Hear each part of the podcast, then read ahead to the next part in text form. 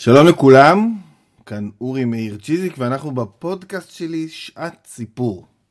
פודקאסט בו אני מביא בכל פרק טקסט אחר מהספרייה שלי, הספרייה של המרכז להנהגת הבריאות, מספר עליו ומקריא אותו. היום אנחנו בפרק התשיעי של הפודקאסט, שבו אנחנו נקריא מספרו של הפילוסוף הערבי וההיסטוריון עבד אל-רחמן אבן חלדון, אקדמות למדע ההיסטוריה.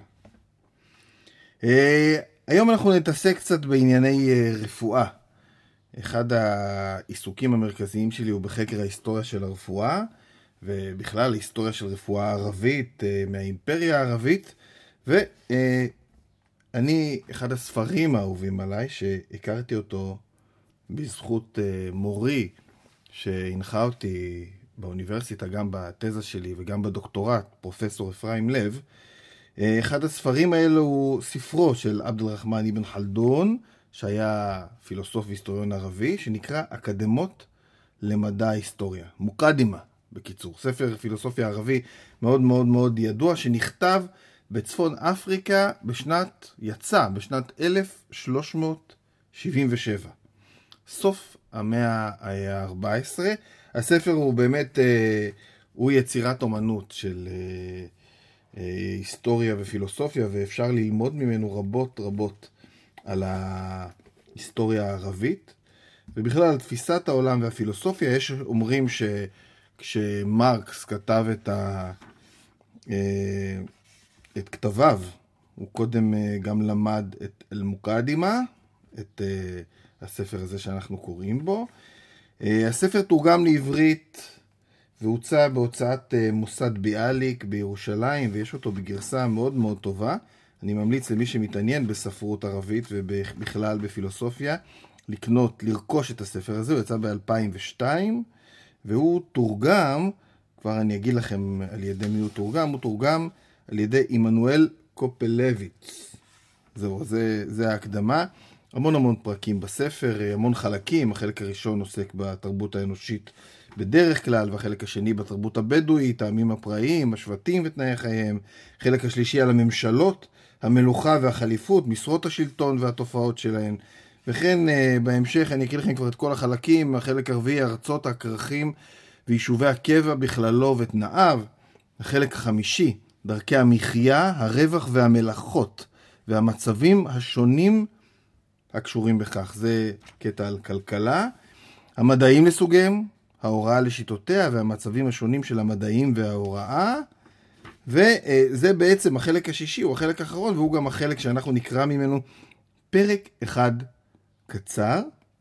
הפרק הזה, שאני מאוד אוהב, עוסק במלאכת הרפואה. פרק 29, זה נמצא פה, אם תחפשו אחר כך בספר, מי שיש לו בעמוד 296, והוא נקרא הכותרת היא פרק 29, והפרק נקרא מלאכת הרפואה, הדרושה רק ביישובי קבע ובערים, אך לא בחיי המדבר. יש פה שני דברים מעניינים בקטע הזה, גם אה, העיסוק ברפואה ומה זו בעצם רפואה, מה הבסיס של רפואה, מה היסודות של הרפואה. אני אגלה לכם מראש שאוכל זה הבסיס, אבל באופן כללי תנאי החיים, אה, מה שנקרא רפואה מונעת אצלנו.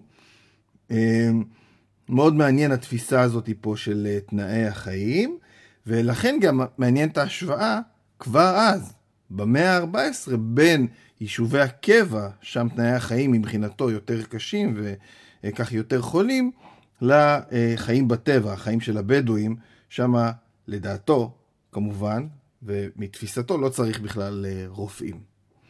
קטע מרתק, אני אקרא אותו לאט לאט. אה, ואולי מדי פעם אני אעצור להגיד איזה משפט. אז פרק 29, מלאכת הרפואה הדרושה רק ביישובי קבע ובערים, אך לא בחיי המדבר. מלאכה זו נחוצה בערים ובכרכים בגלל תועלתה הידועה. פריה של מלאכה זו הוא שמירת הבריאות לבריאים, ועדיפת המחלה מן החולים על ידי טיפול רפואי, עד שהם מבריאים ממחלותיהם. מקורן של כל המחלות הוא במזון. כפי שאמר הנביא מוחמד במאמר מסורת כולל על הרפואה. והנה הציטוט, הקיבה היא מקום המכאוב. ואיסור אכילה הוא ראש כל הריפוי. ומקור כל מחלה, הזלילה. סוף ציטוט, אני אוסיף פה הערה שלי, שזה פשוט משפט גאוני. אני מסכים עם התפיסה הבסיסית הזאתי, למרות שיש הרבה סיבות למכאובים כמובן, אבל uh, יש פה איזשהו משהו בסיסי שהוא מאוד uh, חשוב להבין. אני אקריא שוב את הציטוט. הקיבה היא מקום המכאוב, ואיסור אכילה, איסור אכילה הוא ראש כל הריפוי ומקור כל מחלה, הזלילה. אני חושב שזה היה עוזר להרבה אנשים uh, מאיתנו. טוב, נמשיך בטקסט. מקורן וטיבן של רוב המחלות הוא החום. שנייה, אני אגיד לפני שאני מתחיל שוב את הטקסט, כי פה אנחנו נכנסים לקטע שהוא קצת מתעסק בכל מיני מושגים של רפואה עתיקה, כמו מרות ותערובת מרות וכל מיני עניינים כאלו, אבל למרות שהוא מתעסק במושגים של רפואה עתיקה, אתם עדיין תוכלו להבין ממנו אה, הרבה מאוד, אבל ממש החום, אה, צריך, מה שצריך להבין פה, שכשהוא מדבר על חום, הוא לא מדבר על חום כמו שאנחנו מכירים אותו, רק חום של אה, טרמומטר, הוא מדבר על חום אה, כמושג של מזג, מושג הרבה יותר אה, רחב. אז תתנתקו שנייה ממה שאתם מכירים כחום, או שאל תתנתקו, פשוט תוסיפו על החום הזה עוד הרבה מאוד אה, אה, אה, מרחב, ותנסו להבין את מה שהוא כותב פה. הנה, אני אתחיל מחדש. מקורן וטיבן של רוב המחלות הוא החום. סיבתן היא שהחום הטבעי של הגוף לפעמים אינו מספיק כדי לבשל עד תומו את האוכל הנכנס לגוף בכל שלב. ואז נשאר המזון בגוף לא מעוקל. וכל דבר שיש בו רטיבות ושהוא מורכב מיסודות שונים, אם אינו עובר בישול ועיכול, מתחיל לרכוב.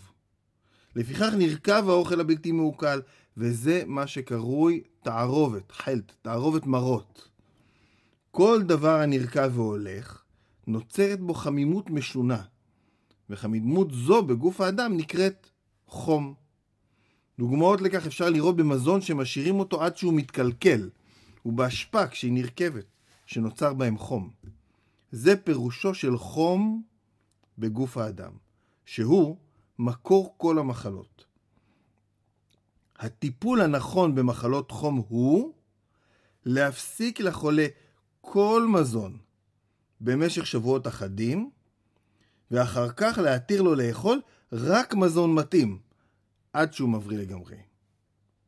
אני אעצור פה לפני הפסקה הבאה ואני אגיד שזה מאוד מאוד משמעותי. הטיפול הבסיסי במחלה, קודם כל, הוא צום. אוקיי? הטיפול הנכון במחלות חום, הוא כותב, הוא להפסיק לחולה כל מזון במשך שבועות אחדים. ואחר כך להתיר לו לאכול רק מזון מתאים עד שהוא מבריא לגמרי. ממש, יש פה מה שאנחנו קוראים פה אצלנו תהליך בירור תזונתי. אתה קודם כל מוריד את הכל, אם אתה חולה במשהו, אבל גם אם אתה רוצה לברר משהו על עצמך, ואז מוסיף מזון מתאים בתהליך הדרגתי. נמשיך בטקסט. מחלות אלו מצויות יותר בקרב תושבי יישובי הקבע והכרכים בגלל שפע מחייתם וריבוי מאכליהם. מפני שהם אינם מסתפקים בסוג מאכל אחד, ואינם מקפידים על זמני הארוחות. לעתים קרובות הם מערבבים במאכלים מיני תבלינים וירקות ופירות יבשים ורטובים, אגב טיפול בבישול האוכל, וגם בזה אינם מסתפקים במין אחד של תבלין. אירע שביום אחד מנינו 40 מיני מאכלים מבושלים מן הצומח ומן החי. זה יוצר תרכובת משונה באוכל, שהיא לרוב רחוקה מלהיות מתאימה לגוף ולאיבריו. עם זאת, גם האוויר בכרכים מתקלקל על ידי ערבוב עדים מעופשים העולים מן הפסולת המרובה. אוויר זה ממריץ את הרוחות ואלה מגבירות את החום הטבעי שבגוף. ועוד, תושבי הכרכים חסרים תנועה, שכן הם חיים בדרך כלל חיי מנוחה וישיבה. על כן אין התנועה יכולה ליטול מהם כלום, ואינה יכולה להשפיע עליהם בכלל. משום כך המחלות המצויות הרבה בערים ובק... משום כך המחלות מצויות הרבה בערים ובכרכים. וככל שהן מצויות יותר, נזקקים תושבי הערים יותר למלאכת הרפואה. הוא מונה פה גם את האוכל, הריבוי של האוכל, המגוון יותר מדי גדול, אה, אה, הגרגרנות כמרכיב ראשון, הוא מונה את האוויר כמרכיב מאוד מאוד בעייתי, וגם את התנועה, חשוב לנו מאוד לנוע. הוא כותב פה, על כן אין התנועה יכולה ליטול מהם כלום. התנועה היא נוטלת מאיתנו משהו, זה מאוד מאוד מאוד uh, מעניין. ואז הפסקה שחותמת את הפרק הקצר הזה, ואילו הבדואים אוכלים מעט וסובלים רעב לעתים קרובות. התבלינים מועטים במזונם ומאכליהם פשוטים. הם נמצאים תדיר בתנועה, והאוויר שבו הם מצויים נקי מכל איפוש.